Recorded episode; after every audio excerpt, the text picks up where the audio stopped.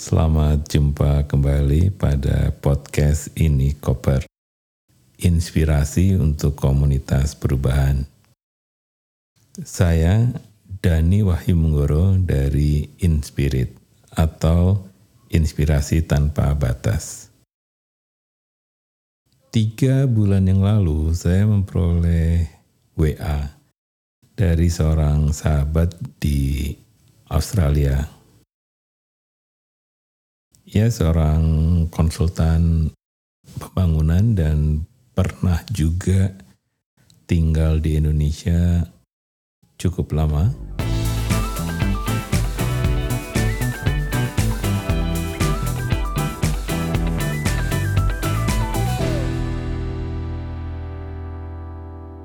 Dan kemudian waktu kita bertemu, kita sebenarnya sama-sama sedang mengeksplorasi apa yang disebut dengan strength based approach.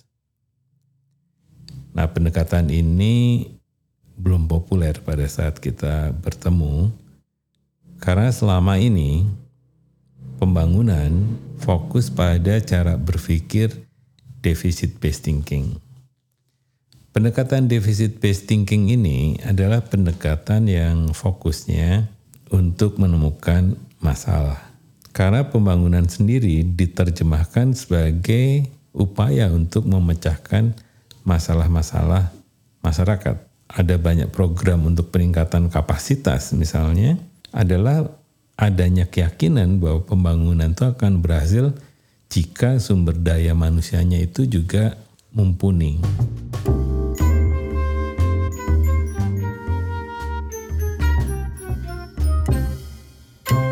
Ya, jadi waktu saya memperoleh WA itu, Pak Kris Duro, yang nama sahabat saya ini, menanyakan apakah bersedia memberikan endorse ya, untuk buku yang sedang ia dan kawan-kawan tulis. Mereka sedang menulis buku tentang strength based approach yang dipakai oleh berbagai proyek bantuan Australia di seluruh dunia.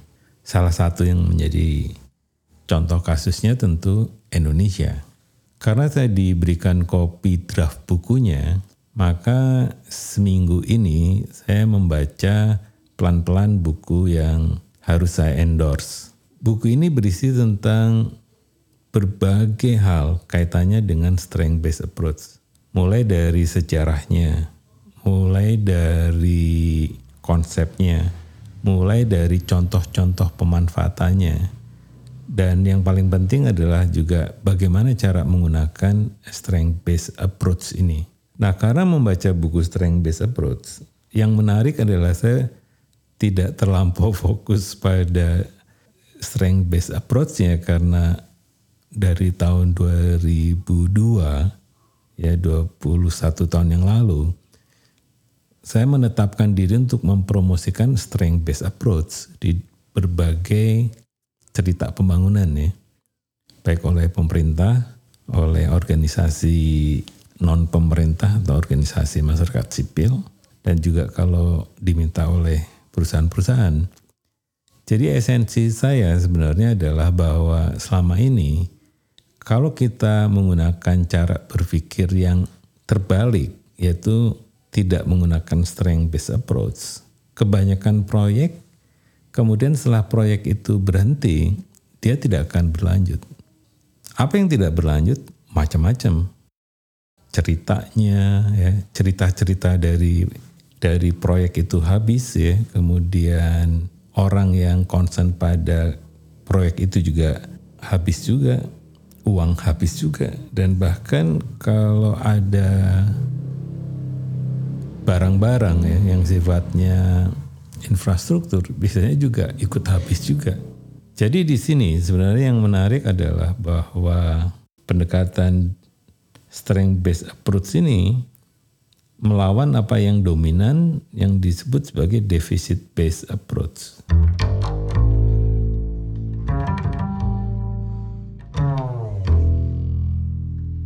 Nah, deficit based approach ini tadi yang saya ceritakan dia terkenal dengan gagasan project base. Jadi kalau kawan-kawan ngobrol dengan orang-orang pemerintah atau orang-orang NGO ya, organisasi non pemerintah, mereka selalu kesal gitu dengan apa yang disebut dengan pendekatan proyek.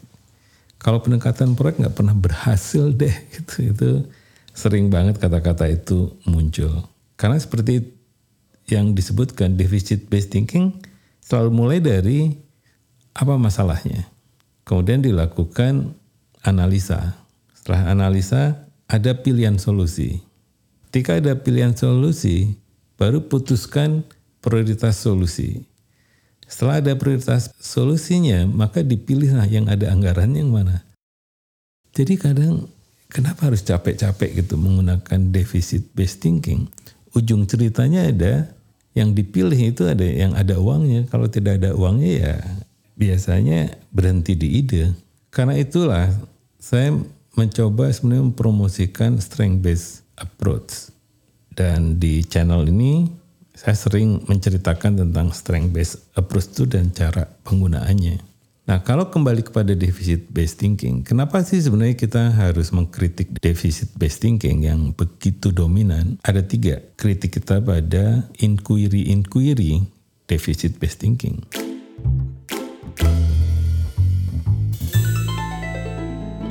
Yang pertama, deficit based thinking itu kalau kita gunakan, maka akan melahirkan apa yang disebut dengan negatif mental model. Karena pada pada saat kita bertanya, kita betul-betul sebenarnya ingin mencari apa masalahnya gitu. Kadang kalau saya jadi warga, ketika ditanya masalahnya itu, ya saya bingung juga apa masalahnya gitu. Kadang akan dijawab baik-baik saja, biasanya para para konsultan pembangunan tidak terlampau bahagia kalau ada jawaban baik-baik saja. Harus dicari masa nggak ada masalahnya Pak gitu. Nah kalau dijawab tidak, itu juga selalu dikejar hingga pada satu titik itu muncul apa yang disebut masalah. Dan para konsultan pembangunan ini bahagia kalau ada masalah. Karena mesinnya pembangunan ya kalau ada masalah baru dia suka gitu dan dia baru oh ya masalahnya di sini begini masalahnya di sana begitu. Nah pada saat itulah mesin pembangunan mulai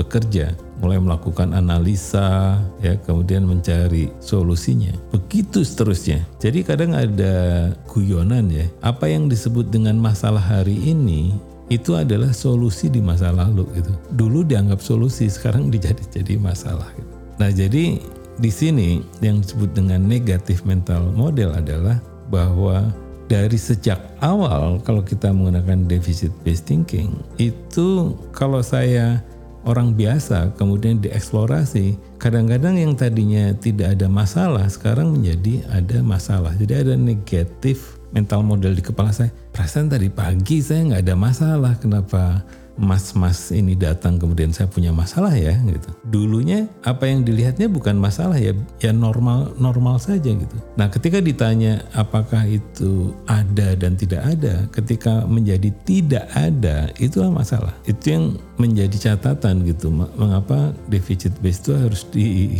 dihentikan karena sejak awal yang diciptakan adalah negatif mental model yang tadinya nggak merasa miskin jadi miskin, yang tadinya orang nggak merasa tidak bodoh kemudian jadi bodoh. Nah kalau ini diterus-teruskan ya tadi problem dari deficit based thinking ya berhenti di saat uangnya habis gitu. Ketika uangnya habis ya project itu habis.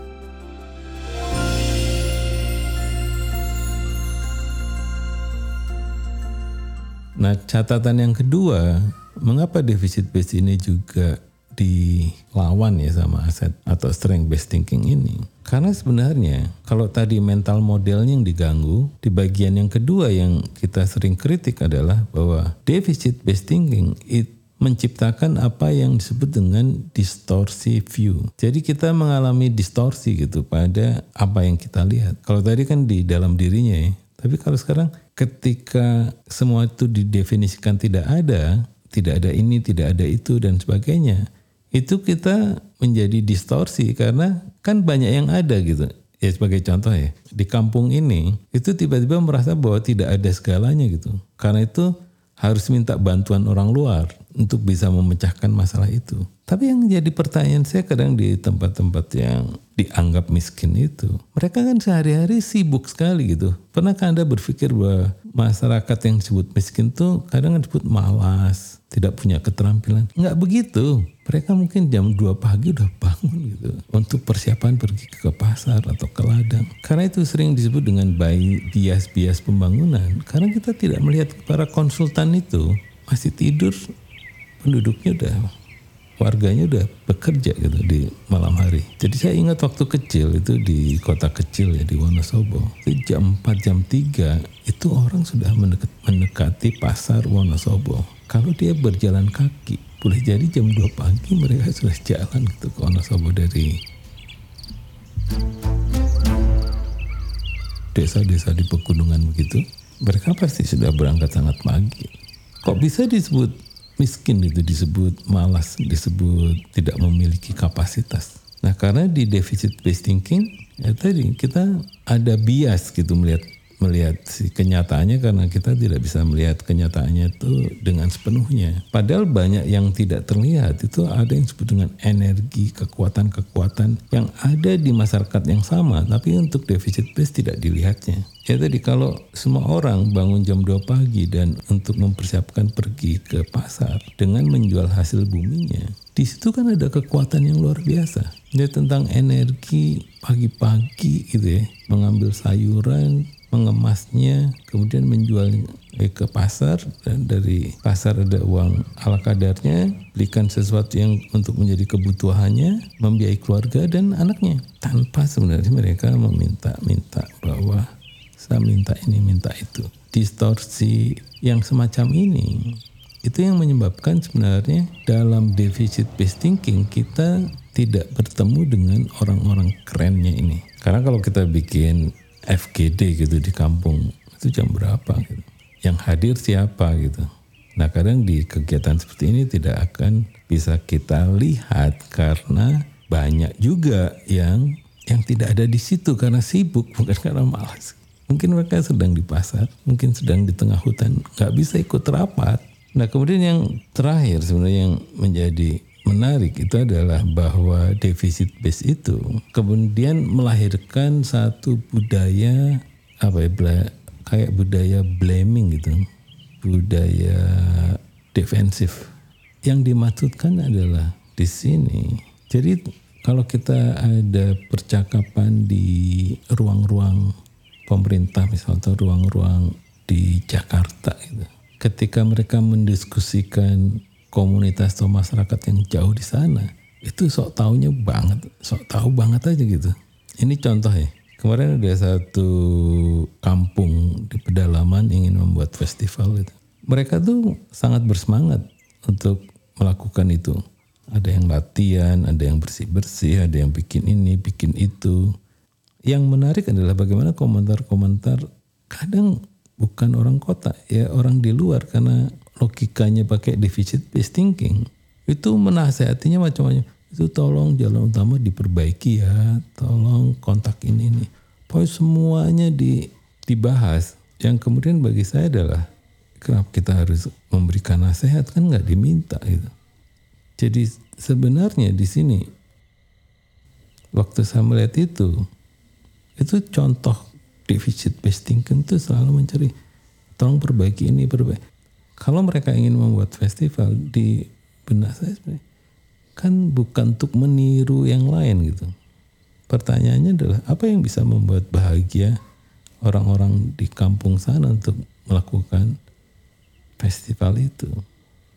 Karena kalau kebalik-balik itu jadi lucu gitu karena festival yang sebenarnya adalah untuk mereka self festival tentang pesta-pesta di kampung itu.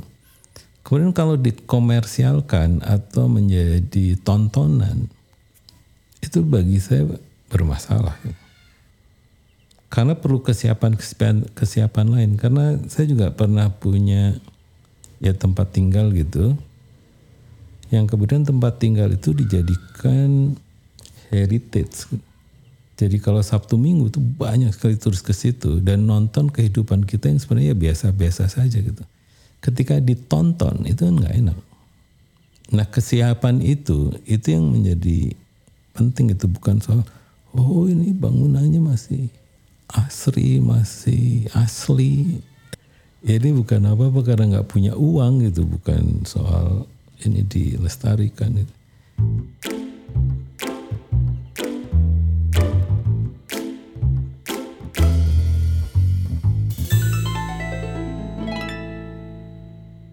Itu ya kita belajar tentang deficit based thinking. Kenapa pendekatan ini perlu dijinakkan? Karena satu tadi membuat mental model negatif, yang kedua mengacaukan cara kita melihat realitasnya, dan yang ketiga itu tadi menimbulkan budaya menghakimi gitu, menilai bahwa mereka lebih rendah sehingga muncul di kepala itu untuk menasehati. Itu saja ini koper kali ini. Saya di ini koper itu percaya bahwa bagi-bagi seperti ini pasti bermanfaat. Sampai jumpa pada edisi berikutnya.